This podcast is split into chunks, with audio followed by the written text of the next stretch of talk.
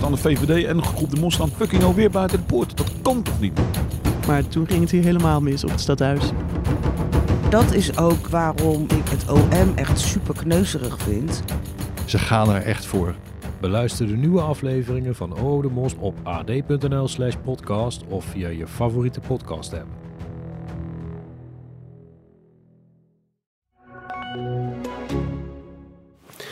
De vraag is, heeft u dat gedaan? U niet gedaan? Heeft, heeft u er iets mee te maken? Ook niet. Dus u weet helemaal niet, of weet u iets over hoe dat gekomen is? Wie dat dan wel gedaan heeft? U weet het niet.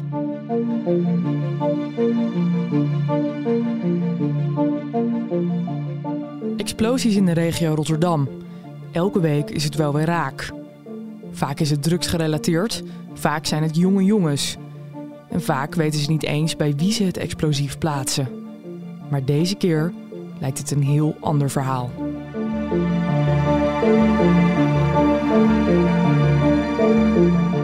Mijn naam is Emma Ties en je luistert naar de zaak X. Een podcast van het AD in samenwerking met het podcastkantoor, waarin we wekelijks een spraakmakende rechtszaak bespreken. Met deze week nam Anna wraak.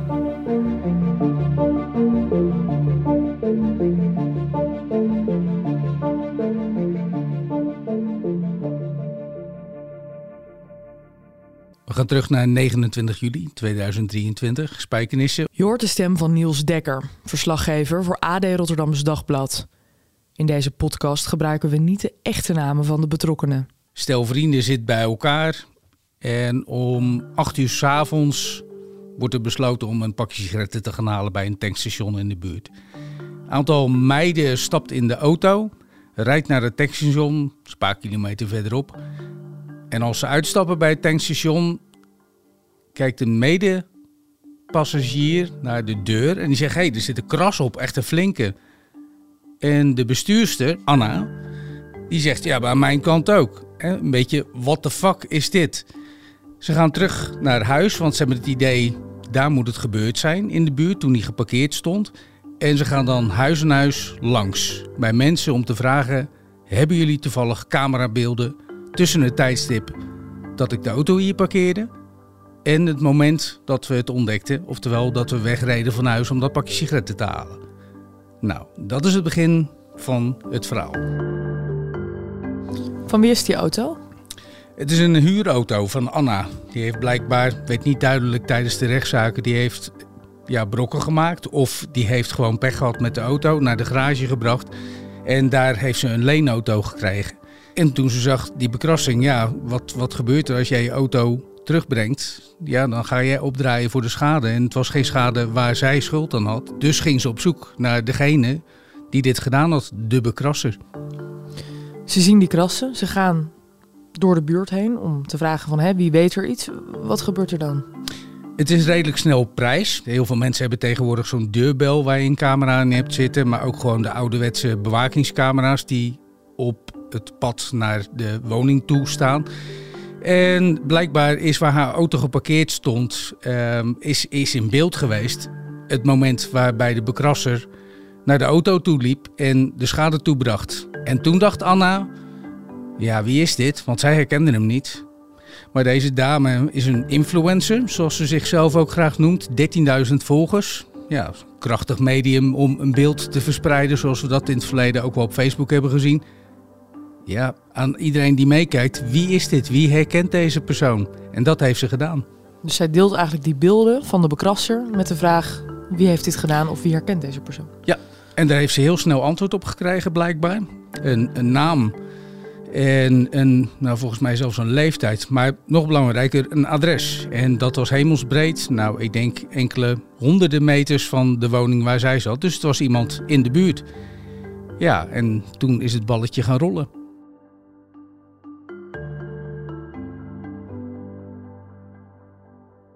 Ze heeft uh, blijkbaar netjes aangifte gedaan van de politie. Ze heeft allereerst degene die haar volgen en met name degene die haar de info heeft gegeven wie dat was die op dat beeld te zien was, heeft ze uh, gestuurd. Alles is gefixt. Thanks mensen. Nou, dat was haar bericht op Snap. hè, Snapchat. En toen heeft ze aangifte gedaan bij de politie. Nou, dan denk je, oké, dan is het aan de politie om uit te zoeken, af te handelen. Alleen gebeurt er dan anderhalve dag later, midden in de nacht, bij die woning van die bekrasser, daar gebeurt opeens iets.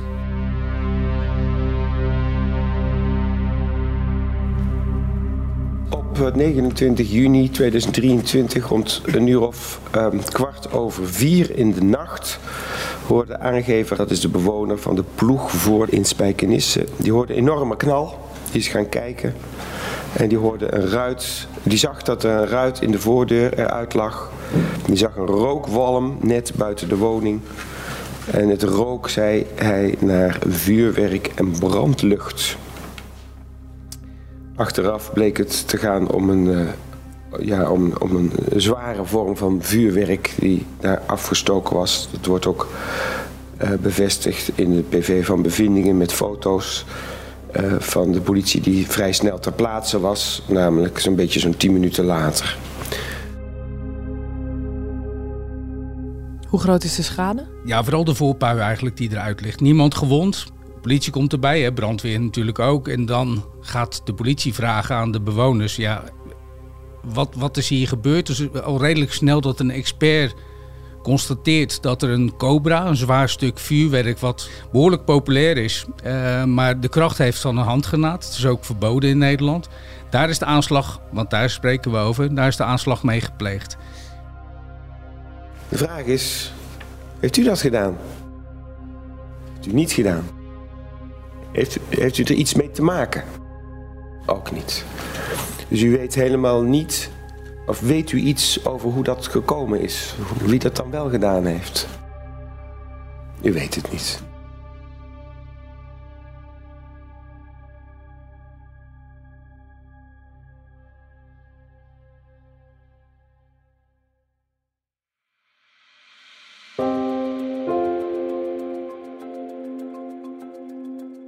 Anna is dus via social media te weten gekomen dat Amir haar leenauto heeft bekrast. En niet veel later ontploft er een cobra bij het huis van Amir. Amir heeft waarschijnlijk wel een vermoeden waarom er een cobra afging bij zijn huis. Maar wie heeft die cobra laten ontploffen? Dat vraagt de politie zich ook af. Ze zien al snel dat Anna aangifte heeft gedaan tegen Amir en vragen haar om naar het politiebureau te komen.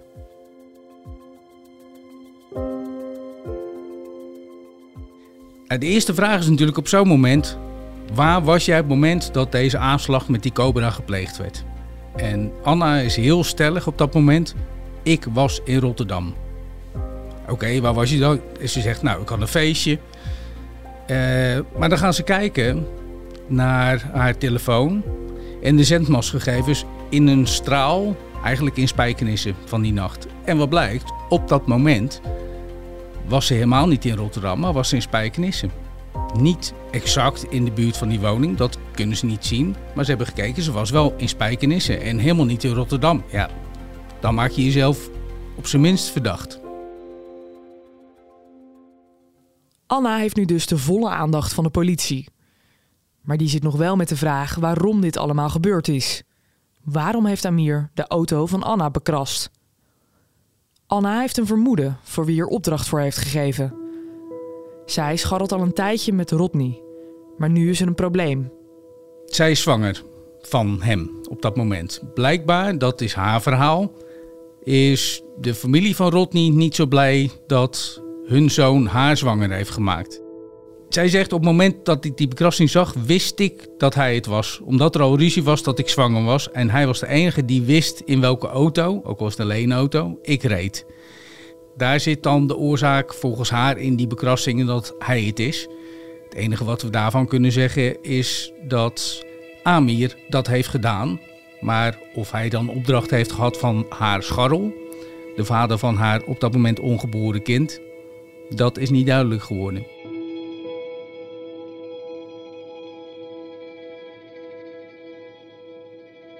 Als de politie door het onderzoek concludeert dat Anna niet in Rotterdam was, maar in Spijkenisse, besluit de politie haar aan te houden. Ze nemen haar telefoon in beslag en gaan daarin op zoek. Ze vinden al snel aanwijzingen die erop lijken te wijzen dat Anna degene was die de aanslag pleegde. Je hoort de officier van justitie. En in de verwijderde bestanden wordt een Google Maps foto aangetroffen en dat betreft een zogenaamde schermafbeelding van de woning in Spijkenisse. Screenshot is gemaakt op woensdag 28 juni rond half vier, dus voor de ontploffing. Ook wordt een filmbestand aangetroffen in de verwijderde foto's van het fotoalbum van de telefoon en het betreft een video afkomstig van Snapchat. De verbalisant herkent in de video de woning. En op de korte video is te zien dat iets brandt op de galerij op de eerste verdieping. En voor de woning, kort daarop, volgt een lichtflits, direct gevolgd door een harde klap. Haar verhaal was, die hebben gekregen op Snapchat. Nou, daar bracht het Openbaar Ministerie tegenin dat de politie dat heeft onderzocht en dat technisch gezien nergens uit zou blijken dat ze die beelden op enig moment, bijvoorbeeld via Snapchat of WhatsApp, zou hebben gekregen. Oftewel, de conclusie: jij moet die beelden zelf hebben gemaakt. Als laatste bewijsstuk tegen Anna ligt er een verklaring van haar scharrel Rodney. Anna zou tijdens een gesprek met hem hebben gezegd dat zij degene was die de Cobra af liet gaan bij het huis van Amir. Rodney legt hierover een verklaring af bij de politie. Dat werd haar ook volgehouden. Van waarom zou hij dat zeggen? Uh, en zij zei, dat klopt niet, ik heb dat nooit tegen hem gezegd. Waarom zou ik zeggen dat ik die explosie heb veroorzaakt als ik dat niet heb gedaan? Nou, en daar kwam meer een verhaal inderdaad over dat die twee gebrouilleerd waren. Uh, gedoe over die zwangerschap. Dus eigenlijk dat haar scharrel haar een hak zou willen zetten met die verklaring. Die dus eigenlijk, wat zij zegt, vals zou zijn.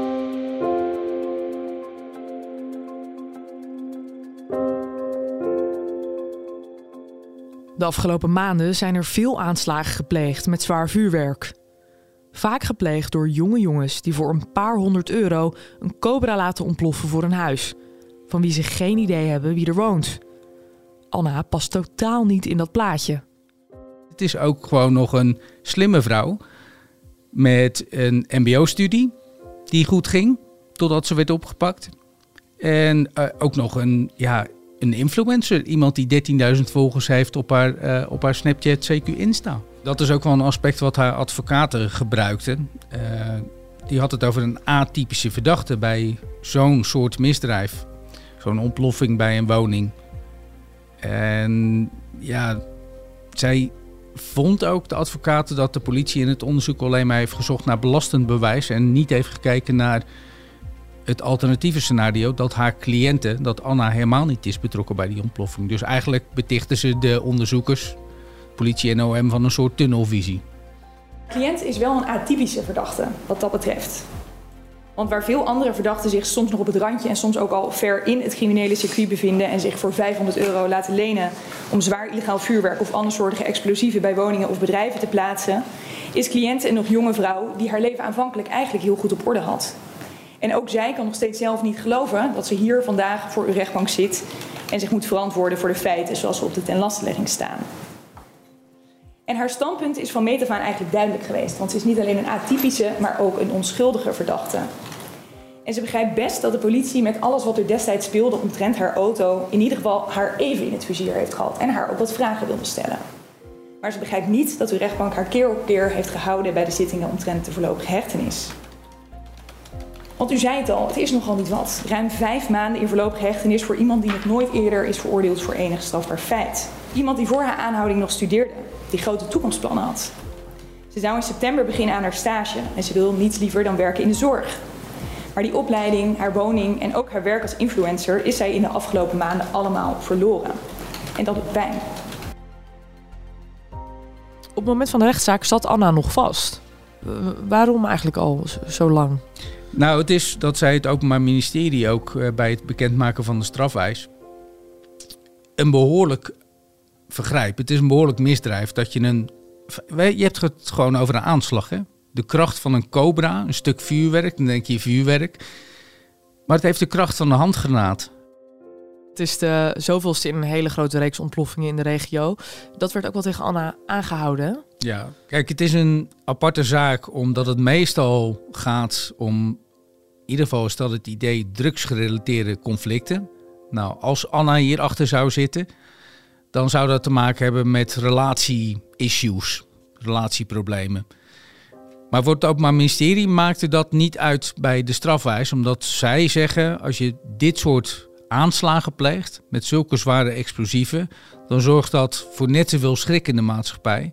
Dat de man op straat, uh, ja, als die daarmee in zijn straat wordt geconfronteerd, als bij de buren opeens zo'n aanslag wordt gepleegd, dat het niet uitmaakt wat de oorzaak van dat conflict is, maar dat ja, dit het eigenlijk een halt moet worden toegeroepen. Dus daardoor zou je kunnen zeggen, is de strafeis bij Anna of tegen Anna net zo hoog als dat het zou gaan om een drugsconflict.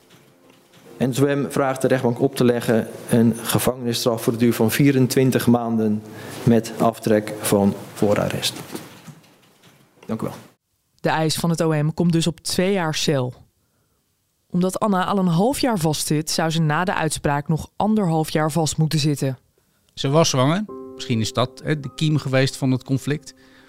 Uh, dat, uh, ja, ze heeft een miskraam gehad uiteindelijk, wat heel erg triest is. En zelf verklaren ze dat tijdens de zitting dat dat vermoedelijk is door alle stress die dit hele incident heeft veroorzaakt.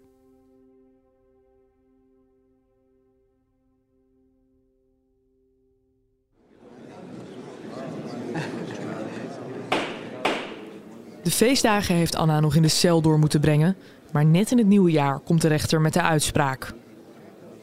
De rechter kijkt met grote terughoudendheid naar de verklaring van Rodney, waarin Anna tegen hem gezegd zou hebben dat ze de aanslag gepleegd had. Ook vindt de rechter dat de politie het technische bewijs, dus de video en de zendmastgegevens, niet goed heeft uitgerechercheerd. Daarom spreekt de rechter Anna vrij. Na een half jaar voorarrest komt Anna weer op vrije voeten.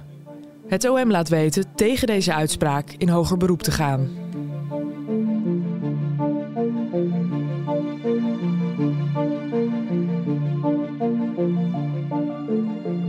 De Zaak X is een wekelijkse podcast van het AD. En deze aflevering werd gepresenteerd door mij, Emma Ties. Aan deze podcast hebben meegewerkt David Achter de Molen van het podcastkantoor, Rick Bolt, Anna Straus, Tara Riem en Joost de Kleuver. Als je meer details wil lezen over deze zaak, kijk dan op ad.nl/slash de zaak X. Beelden van deze zaak worden gedeeld op de Instagram-pagina van de Zaak X. Vond je dit een goede podcast? Laat dan vooral even een review achter, zodat we beter vindbaar worden voor nieuwe luisteraars. En wil je ook de volgende aflevering niet missen? Abonneer je dan op dit kanaal.